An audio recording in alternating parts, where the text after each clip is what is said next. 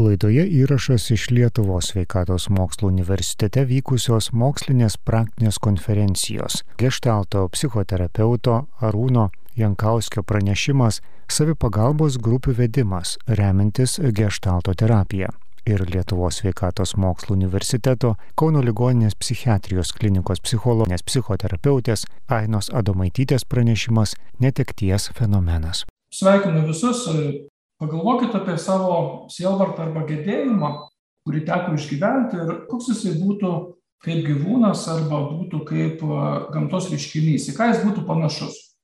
Tai pavyzdžiui, aš radau čia, kad žmonės kartais įamžina netgi paminklus, pavyzdžiui, vat, kažkam gedėjimas yra kaip širdutė, kaip širdis juodam fone, ne? O kas būtų jums gedėjimas?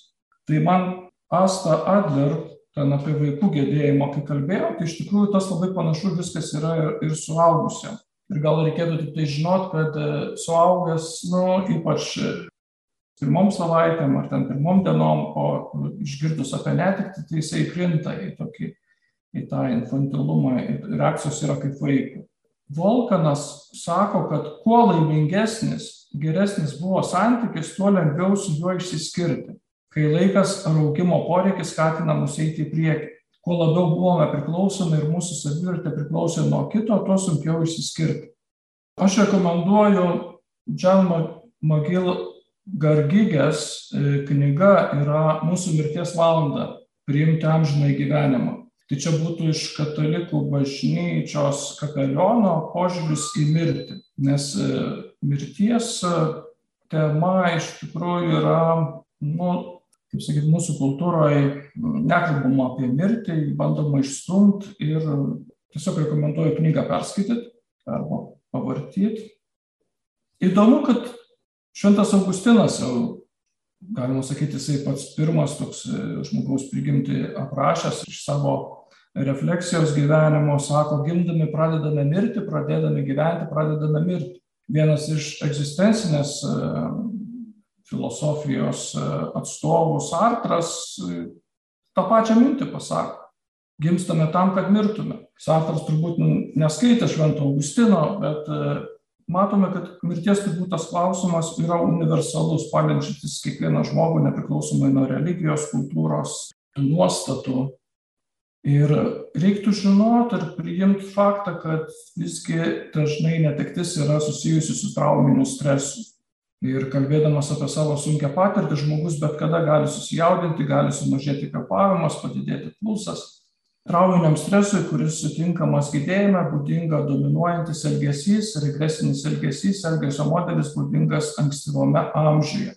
Susijaudinimo pliūpsniai nekontroliuojamas pykčio reiškimas nepamatuotos baimės jautrumas išgąsčiui pasikartojančios baimės nakties metu ir košmariški sapnai skausmas pilve, galvoje ir kiti neaiškios kilmės negalavimai. Ir prisimename, kad mūsų reakcija į stresą yra pulti, bėgti, sustingti ir trypčioti. Ir dažnai laidotuvėse mes irgi tą matome. Momentas yra, kada yra kalbama malda, o žmonės pergyvena, kur padėti tas žvakes e, nuo mirusiojo patalpos kur degino žvakę prie mirusiojo ir tiesiog labiau rūpinasi ir toksai trypčiojimas gaunasi, kada mest, kada kur tą žvakės į žemę dėti, nedėti. Ir kai, kai žinai tiesiog, kad tokia reakcija yra trypčiojimas arba toksai sukimasis ratu, tai tiesiog mažiau gal tada ir reaguoji ir supranti ir padedi tiem žmonėm išgyventi tą išsiskirimą. Dabar svarbu priimti iš tikrųjų kad dirbant su netektim labai svarbu yra terapeuto konsultanto dvasinio asistento pagalba jam. Tai būtų supervizijos intervizijos ar žinojimas kaip stresą įveikti įveikos būdai nes labai lengva yra pertekt kaip mes benorėtumėm pagelbėt. Ir vienas iš būdų noras pagelbėt e, jau gali man kaip terapeutui man yra signalas kad tas žmogus jam gresia perdegimas mano tema kaip aš atsidūriau šitoj temoj reikėjo rašyt darbą po trečio kurso penkių metų studijų podiplominių geštalto ir aš tiesiog pagalvojau kad labai yra tikrai buvę atvejų ir būnant parapijoj žmonės turėję ilgalaikės tą gedėjimą ir man trūksta žinių ir aš pagalvojau, kad aš pabandysiu kur, burti savipagalbos grupę. Pagalvojau, kad tai nebus labai sunku padaryti, tiesiog pakviesti žmonės, parašiau kvietimą, padalinau laidojimo namuose, čia šiauliuose, aš pats šiauliuose dabar e, tarnauju. Ir per parapijas tiesiog paleidom skelbimą ir galvojau, kad susirink žmonės ir aš ten galbūt padėsiu jam juos išklausyti, ar panaudosiu ten dailės terapijos metodus, ar tiesiog kartu ta pati tema labai yra vienijanti ir padeda žmonėm jausti saugumą, konfidencialumas garantuojamas, dėl to aš žinau, kad čia galbūt talpinsit ir į internetą ar, ar per radiją leisit tą įrašą, dėl to aš labai vengiau kalbėti asmeniškai iš savo patirties, nes esu davęs konfidencialumo pažadą tiem žmonėm, kurie atėjo į grupę. Taigi saugi aplinka, laikas būti, dalintis, laikas verkti.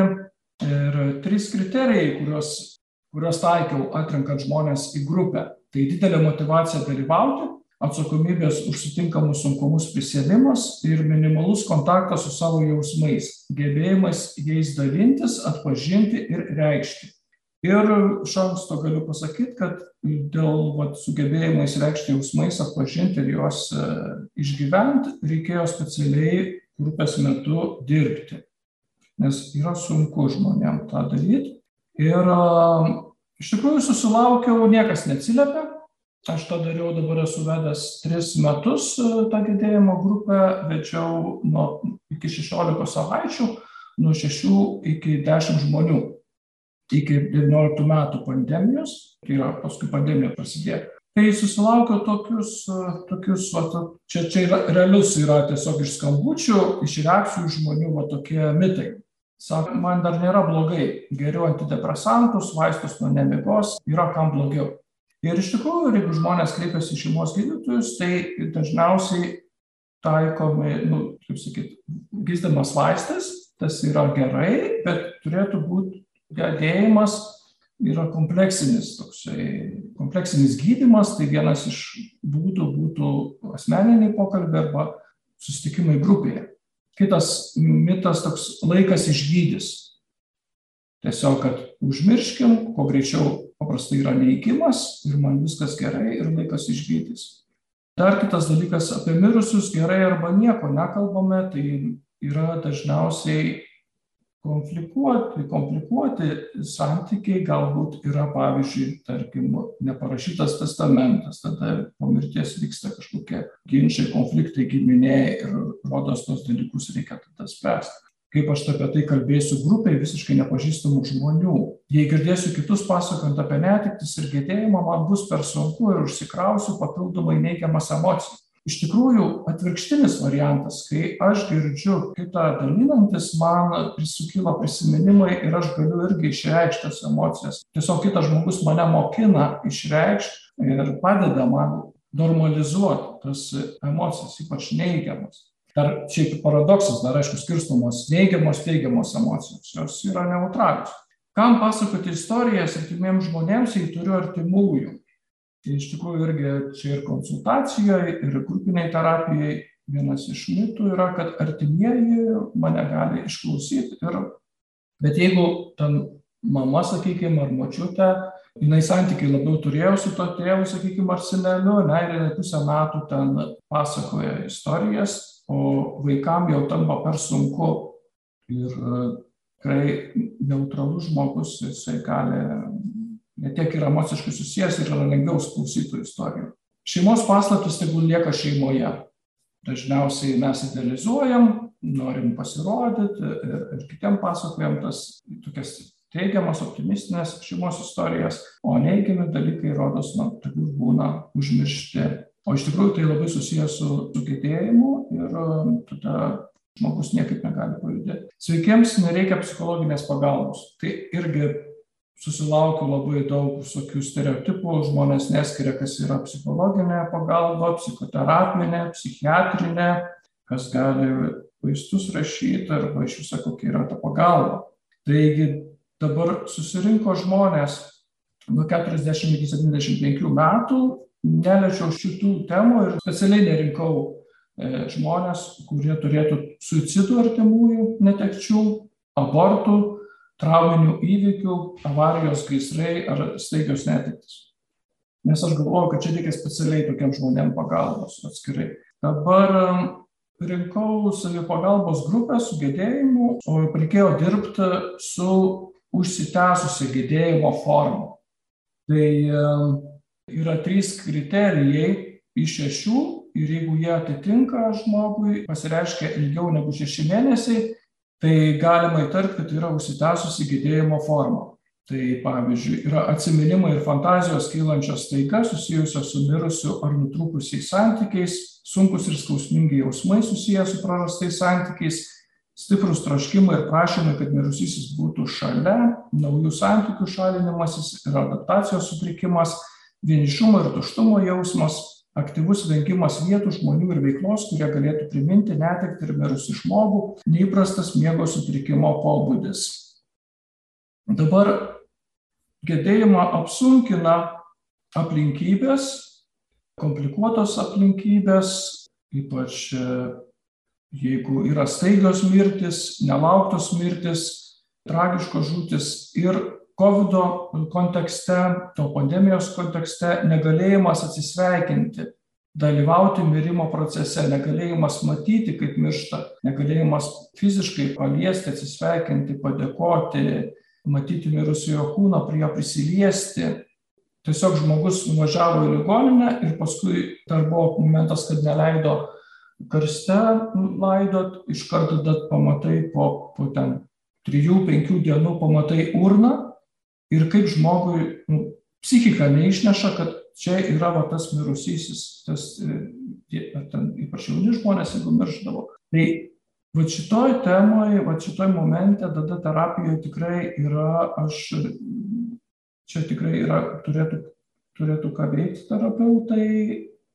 Ir vienas iš dalykų turbūt tada žiūrėti nuotraukas ar bandyti. Iš tikrųjų, čia šitoje vietoje gali būti kaip darbas kaip su trauma, tame, kad yra negalėjimas susitaikyti ir reikėtų kažkaip inscenizuoti, pabandyti iš naujo pradirbti tą momentą nuo nuvažiavimo iki ligoninės ir iki pamatymo, kad žmogus jau yra urnoje ir reikėtų turbūt e, tada vėl iš naujo išgyvent tą netektį ir surepetuot, netgi suvaidint, e, kaip būtų buvę ir geriausiu atveju, kaip tu būtų norėjus, kad tos laidotuvės būtų įvykusios. Nes, ką aš iš patirties dabar matau, gedėjimas įvyks, prasideda su mirties faktu prieimimu. Ir dažnai, pavyzdžiui, per laidotuvės, kai yra momentas, kada žmogus, kai uždaromas karstas, dažniausiai tada yra sunkiausios reakcijos ir momentas kapinėse, kai į, pas katalikus yra tradicija į, į, įberti žemės, į, tokie, artimieji įberia žemės žiupsnelį į, į, į tą duobę. Tai šitas momentas irgi labai yra toksai jaudinantis ir kartu tada kažkaip priveda prie to momento, kad tas mirusysis viskas jisai jau yra kitoj formoj būties, jisai jau yra miręs. Ir um, dar jeigu negalėjimas, ten yra tekę matyti, kad, pavyzdžiui, laidoje žmonės filmuoja arba ten per Facebookus transliuoja kažkaip, nu, kad žmonės kažkaip įsitikintų ar galėtų dalyvauti emociškai tose laidotuvėse. Tai aš dirbau iš to, kad dabar va, tas komplikuotas gedėjimas, tai neužtenka vien tik tai paprasto tokio palaikymo, išsikalbėjimo, yra tas m, daug, daug vidinių konfliktų ir gedėjimas yra kaip procesas.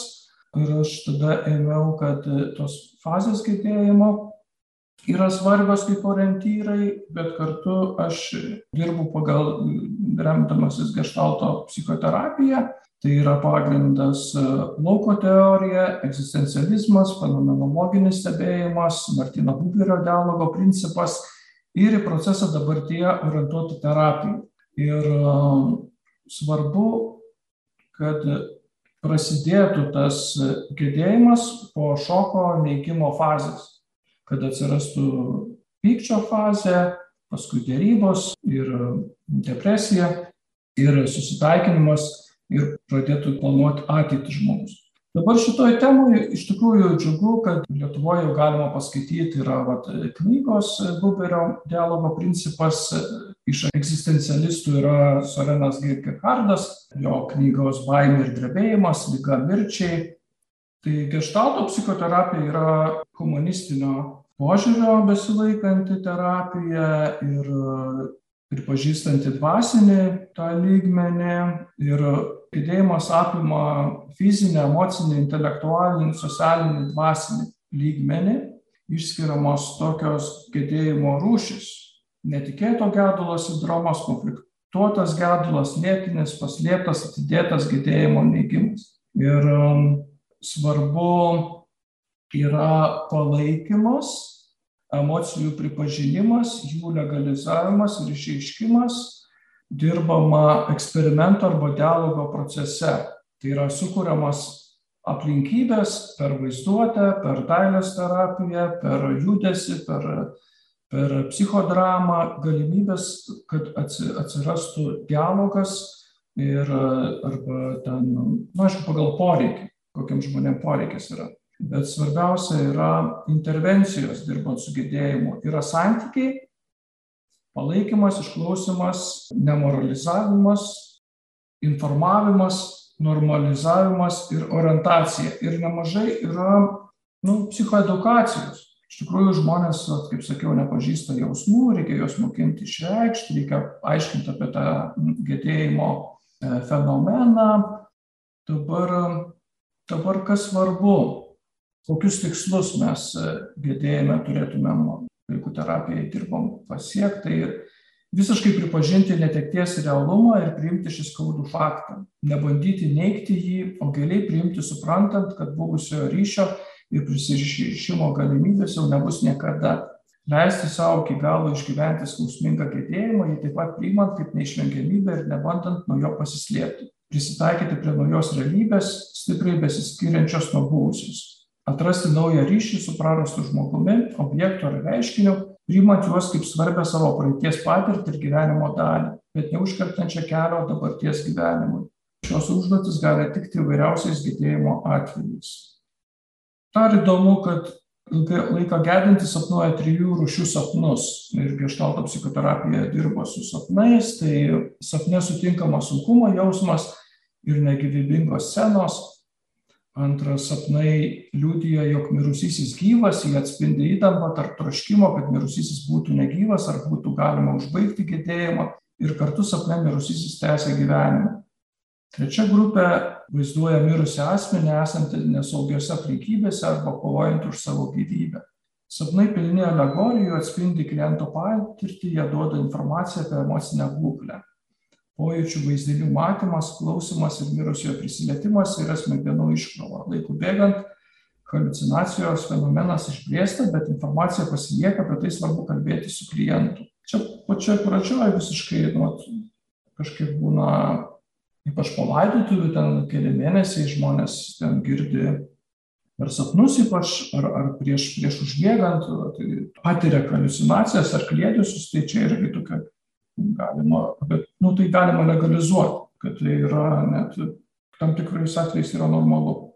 Rekomendacijos arba galimybės šioje temoje tai būtų iš tikrųjų gal edukacija čia mano irgi tikslas daugiau gal pasidalint ir gal bendrai suprast kad kiek svarbu yra edukuot žmones apie gedėjimą tai yra normalus procesas ir jeigu jisai tęsiasi ilgiau negu vieni metai arba du tai tada jau yra reikia konsultacijų pagalbos specialios bet tai padėtų mums su gedėjimu ir jeigu legalizuotume ašaras jeigu suprastume kad tai yra normalu raginti kreiptis kompleksinės pagalbos vaistai irgi padeda psichiatrija psichoterapija gedėjimas natūralus procesas leiskite upei tekėti.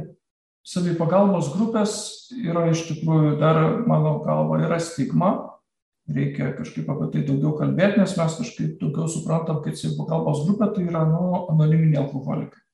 O kad yra įvairių būdų ir ir čia yra šitoj vietoj mes iš tikrųjų atsiliekam. Aš pats pažįstu danijoj e, dirbantį liuteronų pastorių dan falk ben falk kuris yra gestalto psichoterapeutas ir jis jau 1978 metais pradėjo ruošti slaugytojus, dvasinius asistentus, dirbančius ligoninėse ir irgi pasiūlė tas ir pagalbos grupės.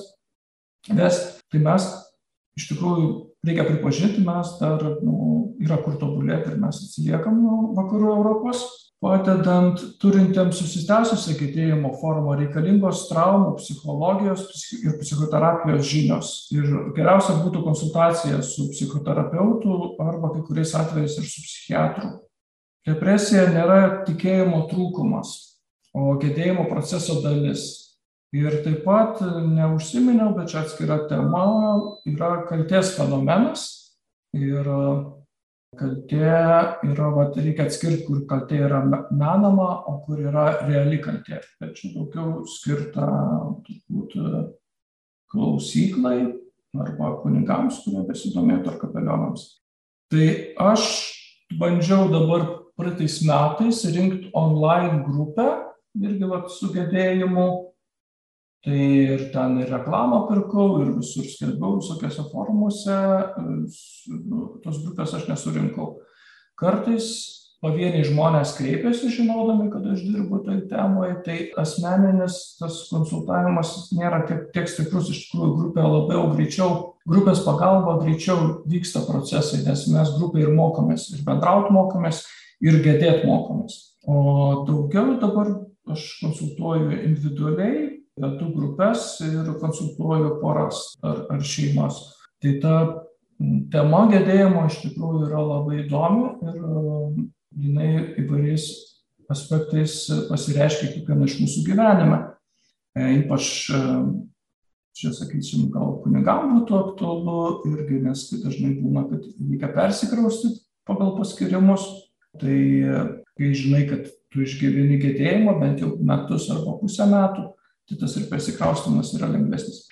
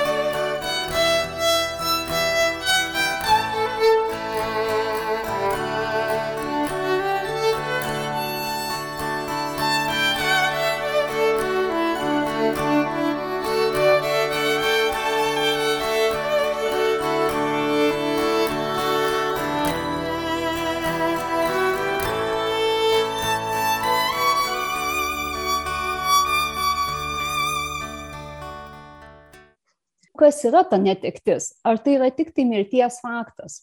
Tekties įprasminimo svarba yra labai svarbi tolimesniam adaptacijos procese ir čia galima du dalykus išskirti. Aš visą laiką mėgstu remtis mokslu ir visą laiką kai dirbant su pacientais sakau nu viskas yra paskaičiuota ar ne mūsų logika.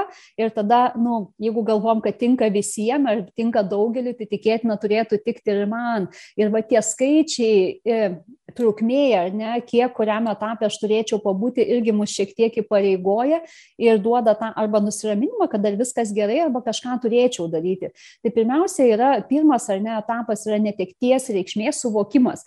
Ir šitam reikšmės suvokime kad sėkminga adaptacija dažniausiai jinai trunka į pirmus šešis mėnesius, o toliau jau būtent ateina tas naudos. Ir va čia atrodo labai, galvoju, ar dėti į kabutes tą e, žodį naudos atradimas, nes tikrai jisai glumina, bet realiai mes jį supraskim kaip galimybę kitaip, ar ne, kitaip priimti savo gyvenimą, priimti savo tam tikrus veiksnius, ką aš atlieku gyvenime, ką aš kuriu tam gyvenime, nes būtent ar ne apie išėjusių žmogų, jeigu kalbam apie žmogaus mirtį netikti, mes galvom, ką jis paliko po savęs.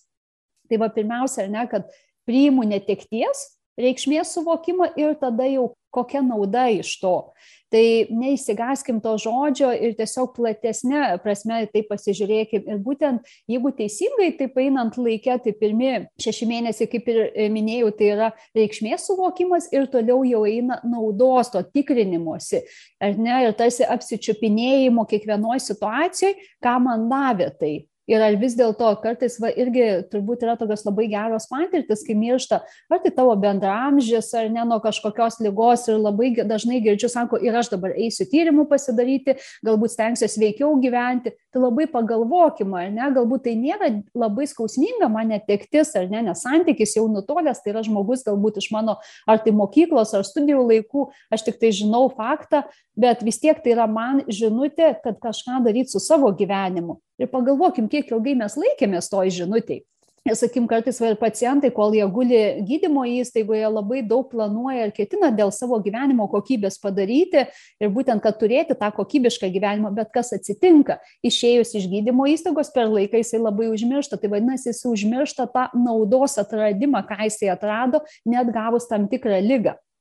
Ir norisi apie netekties reakcijų modelius kalbėti. Tai vis dėlto su netektim mes aplamai labai daug jausmų išgyvenam bet pagrindiniai eina tokie tarsi punktais ar ne ar galima sakyti jie nebūtinai tai eina iš eilės ir mes kartais ir pagrįžtam ir vėl ar ne tarsi uždarom jau tą situaciją bet pirmas tai yra neigimas ir nesvarbu ką ir ant savęs tą tikrintumėmės ir apie pacientą nes pirmas tai yra neigimas. Tai pirmiausia ar ne ieškoma kaip paneigti patį faktą kad nu negali būti tokia mano diagnozė nu negali būti kad žuvo tas mano vaikas negali būti kad atsitiko taip nes vakar dar tik kalbėjom. Tai ar tai bebūtų apie kitą asmenį kurio aš netekau ar apie save patį kai galiu savęs netekti. Nes va čia yra tas labai svarbus momentas kad mum norisi paneigti ir atrodo jeigu paneigsim mum nereikės būti su tuo išgyventi to ir tas galimai ar ne tarsi nu nevyksta. Tai neigimas įgalina viltį kad gal kažkaip kitaip gali būti bet realiai dažniausiai tai yra pirmų kelių parų kai kuriais atvejais užsitęsia. Tai aišku su pačio fakto mirties tai yra kelių parų bet jeigu tai yra su mūsų diagnozėm tas gali trukti ir ilgesnį laiką. Kai va būtent net yra bijoma ir dirbtinai vengiama eiti tyrimų rezultatų pasiimti e, sekančius tyrimus daryti diagnozei patikslinti.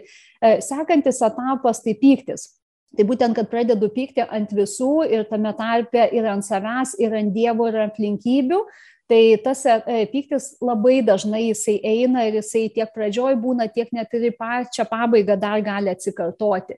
Derėjimasis tai aišku e, ir va čia yra tas labai svarbus momentas kad kaip galėtų būt kitaip. Čia yra tas laikotarpis kai žmogus labai susiima bet tuo pačiu jisai gali e, ir susiimti į gerąją pusę bet gali labai ir susistabdyti save. Ir būtent visko atsisakau ir vos nelaukiu ypatingai kalbant apie mūsų diagnozę laukiu tos baigtinės situacijos ir kas tada ateina kur va galim pamatyti kad jau mes einam į ta gera linkme ir kai kalbam apie depresiją tai atrodo nieko čia gero bet va būtent kai mes ateinam į tą depresyvią tokią būseną tai vadinasi ateina suvokimas mes jau nebesitaškom emociškai nebepuldinėjam ir kad tai atmetinėjam tai pykstam tai kaltinam tai derimės bet būtent su depresyvia ateina kad susitaikymas ir tada ateina priėmimas. Tai tas šitas modelis ko bendros jisai yra tiek mum e, išgyvenant netektis tiek mum e, priimant ligos diagnozes ir tą galim tiek ant savęs matyt tiek ant pacientų ir turim vis dėlto labai svarbų dar dalyką tokį iš emocinės pusės suvokt kad gynybos mechanizmai tai pasąmoningi psichiniai veiksniai kurie mus apsaugo tam kad mes iš tiesų neišprotėtumėm arba nekiltų e, tokia labai stipri nesuvaldyta mintis išeiti iš šito pasaulio, nes nebepaėgiu ir nebežinau, ką su tuo daryti, tai būtent gynybos mechanizmai mums padeda išgyventi. Dabar ką mes darom su sielvartu? Ir sielvartą vis dėlto, kaip ir minėjau, labai svarbu išjausti, bet būtent išjausti su tuo skausmu, o neslopinant nebandant paneigti, nusiraminti vaistais, alkoholiu, kad vis dėlto normalus gedėjimas, jisai turi savo procesus ir mes juos turim pereiti. Tik tai va tas e, patologinis ar ne nesibaigiantis, kad visoj, e, kiekvienoje akimirkoje jisai yra ir kad tarsi sakau, nu, ne, negaliu, nes aš netekau, ne, neįsiu, ne, nedarysiu, ne, nenoriu, nes netekau. Tai tada tuomet reikėtų tikrai kreiptis specializuotai jau pagalbai. Dabar, kada yra e, netektis ar ne, o kada yra krizinis įvykis. Ir su tais visais išgyvenimais, ar ne, mes kiekvienas tvarkomės labai skirtingai, bet yra mokslininkų, net nesvarbu, ar čia mes esam tikintis ar ne, bet turbūt kiekvienas, kai išgyvenam labai e, svarbius, skausmingus momentus, atsiranda maldos epizodas. Ir atsiranda tai pagal mūsų suvokimą, ar ne, vieni ženkliai daugiau į tai įsijungiam ir tai gaunasi vos ne kaip gelbėjimasis, kaip mūsų net vos ne inkaras išbūti toj situacijoj, kitiem tai yra kaip dar vienas toks momentas, bet ką duoda psichologiniai tyrimai atskleidžia, kad žmonės išgyvenantis netekti neretai naudoja maldą kaip įveikos metodą, nes, sakim, kai mes jaučiam panikos ataką, yra labai normalu, sakim, ir man pačiai šiandien prieš konferenciją, na tikrai jaudinos, natūraliai pabandai pakvepuoti, išgerti arbatos, bet kai yra netektis, tai jau apie pakvepavimą ir arbatos išgerimą jau jinai tikrai nebepaties bet malda yra atsidavimas. Ne, išbuvimas ir ieškojimas, kai galbūt aš jau jaučiu, kad nieko nebegaliu padaryti, tai ar ne yra tas, kad bent galiu melstis. Gal tai padėsiu tiek savo, tiek tam žmogui, kuris ar jau išėjo, arba net išeinantis. Ir būtent malda gali suteikti netekusiam jausmą, kad jis ką nors daro ir aktyviai daro. Ir va čia yra labai svarbus momentas - aktyviai daro ir dėl savęs, ir dėl mirusiojo arba to išeinančio. Nes kai kuriais atvejais mes mum ir pasako, ar ne, nu, liko kelios ten dienos, ar nereikia su tuo susitaikyti, aš jau nieko nebegaliu padaryti. Tai pirmiausia, mes iš tiesų puolam ne ruoštis ar ne šermenim laidotuvėm, bet būtent ar ne mes numaldoj bandom išbūti, susirinkti save, kad galėtumėm išbūti tą pirmą etapą ar ne žmogaus išlydėjimu ir lygiai taip pat, ką aš galiu padaryti dėl mirusiojo. Tai tiek jau ar ne laukiant tos mirties, mirties akistatoj. Ir lygiai taip pat ar ne, nu savęs paklausai, ką jūs daugiausiai darėt per savo artimo žmogaus išeimą, nu turbūt kas mūsų stiprindavo, tai malda. Ir dar ar ne, kad malda labai padeda įsisamoninti, padeda išreikšti savo išgyvenimus ir leidžia nepasilikti vienam, nes kai kuriais atvejais mums norisi visiškai atsitraukti, sustabdyti, tai maldoj aš vis tiek esu su tuo aukščiausioju. Tai vis dėlto aš visiškai nelieku visai vienas, jeigu aš nepajėgiu su kitais savo artimais žmonėm, kurie eina į kontaktą, bando mane pastiprinti, bet tiesiog kartais atsitinka taip, kad aš nepajėgiu. Ir aišku, malda padeda įprasminti patį išgyvenimą ir būtent tą visą egzistenciją, dėl ko tas žmogus buvo, dėl ko aš esu. Dabar bandysiu labai trumpai apie pagrindinius dalykus, su kuo mes susidurėm darbe. Tai netektis mediko darbe, tai būtent apie tuos krizinius įvykius nebūtinai tai yra mirtis, bet tai yra paciento tie nepageidaujami įvykiai, kas įvyksta mūsų darbo metu, ar ne taip, kaip mes tikimės, ne taip, kaip planavom, nes turbūt yra labai teisingas pasakymas, kad nei vienas medikas nenorėjo pakengti, nenorėjo nepadėti, bet kartais gaunasi nelaimingi atsitikimai, kurie nuo mūsų nepriklauso, nuo tam tikrų aplinkybių. Tai krizinis įvykis, tas įvykis, kuris išmuša visą personalą arba dalį to personalo, kuris dirba ir natūraliai paveikia. Ir paveikia vėlgi mūsų tiek patį sveikatą, tiek saugumo jausmą, socialinį visą funkcionavimą ir aišku emocinį. Ir šitoje vietoje, kai tai vyksta skyriuje ar klinikoje, tai logiška, kad mes kaip ir sustojam. Kas dabar yra labai svarbu, e, kad būtent kokios emocijos kyla Ir šitie įvykiai pagrindė tai pažeidžia mūsų saugumą galios, nes vis dėlto mes darbę norim pasitikėti, norim valdyti situaciją ir norim, kad viskas būtų taip, kaip turi būti. Ir šitoj vietoje su kriziniais įvykiais atsiranda praradimo jausmas. Tai nebūtinai, kad pačio žmogaus praradimas, bet praradimas kontrolės, kad aš valdau, kad aš galiu suvaldyti tą situaciją. Ir lygiai taip pat kartojasi tos pačios emocijos, sielvartas, pyktis, kaltė, gėda, nerimas ir va čia labai svarbus yra momentas kaltė ir kalties jausmas labai teisingai turim atskirti. Ir mes kartais kalbam, kad esu kaltas ar ne, jaučiuosi kaltas, Tai va čia yra du skirtumai, nes kai kuriais atvejais tikrai tas ne nuo mūsų nepriklausė žmogus, neteisingai pasirinko, tiesiog per vėlai kreipėsi, per daug somatinių lygų ar ne, ar dar kiti faktoriai, dėl ko aš jau nebegalėjau padėti, bet aš negaliu susitaikyti su tuo, kad aš negalėjau. Tai vis dėlto aš jaučiu tik kalties jausmą. Ir jeigu aš bandau ieškoti kalties ten, kur man nepavyksta surasti, tai irgi ar nenoriu sakyti, reikėtų kreiptis specializuotos pagalbos ir nekankinti save. Nes logiška, ką minėjau, ar nesustoja mūsų funkcionavimas. Ir tiek krizinėse, tiek netekties situacijose, visos netikėtose, nenormaliuose situacijose, visos reakcijos yra normalios, tai mes neturėtumėm bijoti. E, bet kur medikai, nes kartais galvojam, kad mes stiprius, mes galime, mes gelbėjom kitus, tai nereikia mūsų gelbėti. Tai ką norėtųsi paminėti, kad po įvykio per pirmą parą tai yra tikslas, kad kuo greičiau skyrius ir toliau jisai funkcionuotų, veiklos vyktų, bet apie pasirūpinimą savimi, tai būtent per pirmą parą, e, sakykime, jeigu po būdėjimo, tai grįžtu, pavalgau, pamiegu ir tada, kad galėčiau gauti psichologinę pagalbą. Ir aišku, tas savo būsenų stebėjimas pirmus tris mėnesius, ar tai nelieka potrauminis, ar aš puikiai visose vietose toliau funkcionuoju. Ir kaip galiu pamatyti, kad puikiai funkcionuoju, tai ne, ir įtampa sumažėja, kognityvinės funkcijos atsistato, tiesiog vėl grįžta tas pilnas realizavimas save darbe kur pavojingos, turbūt patys puikiai žino, tai va čia neapsistosiu ties tais, bet vis dėlto galbūt ne tik apie save pagalvokim, bet galbūt ir apie kolegą, kuris ar tai patyrė paciento mirtį, arba tiesiog kažkokie, nu, gal kartais mes turime ir teisminius atvejus, kad kaip jisai jaučiasi, ar nėra ant jo kažkokių ženklų, kur turėčiau sakyti, nustop, aš noriu tau padėti, ieškom sprendimų. Ir norisi užbaigti savo greitą kalbę, kad vis dėlto netektis tai yra žiauri dovana, bet vis tiek tai yra dovana. Tai ir išgyventa, įveikta netektis, nu, mum augina realiai tuos sparnus. Mus vėl paaugina, mes tampam brandesnėm, stipresnėm asmenybėm, taip su netektim, su praradimais, bet su galimybė tuos stipresnius žingsnių eiti į tolimesnius gyvenimo iššūkius. Norisi turėti daugiau to malonumo, bet turim ir kančios, ir skausmo, ir tada mes jaučiam tą kalną pakalnę. Tai labai svarbu, ar ne, išgyventi ją, pabūti ir su sielvartu, bet nepalūšti. Ir tada mes ir tas žmogus jaučiasi, jeigu kalbant apie netekti, ir tas žmogus jaučiasi turbūt ar ne, kad mes teisingai išbuvom ir tą laiką, kai jis buvo su mumis, ir mes teisingai priimėm jo netekti. Tai ačiū labai uždėmesi. Laidoje girdėjote įrašą iš Lietuvos sveikatos mokslų universitete vykusios mokslinės praktinės konferencijos. Kalbėjo kuningas gestalto psichoterapeutas Arūnas Jankauskis ir pranešimas savipagalbos grupių vedimas remiantis gestalto terapiją. Taip pat girdėjote Lietuvos sveikatos mokslų universiteto Kauno ligoninės psichiatrijos klinikos psichologės psichoterapeutės Ainos Adomaitytės pranešimą Netekties fenomenas.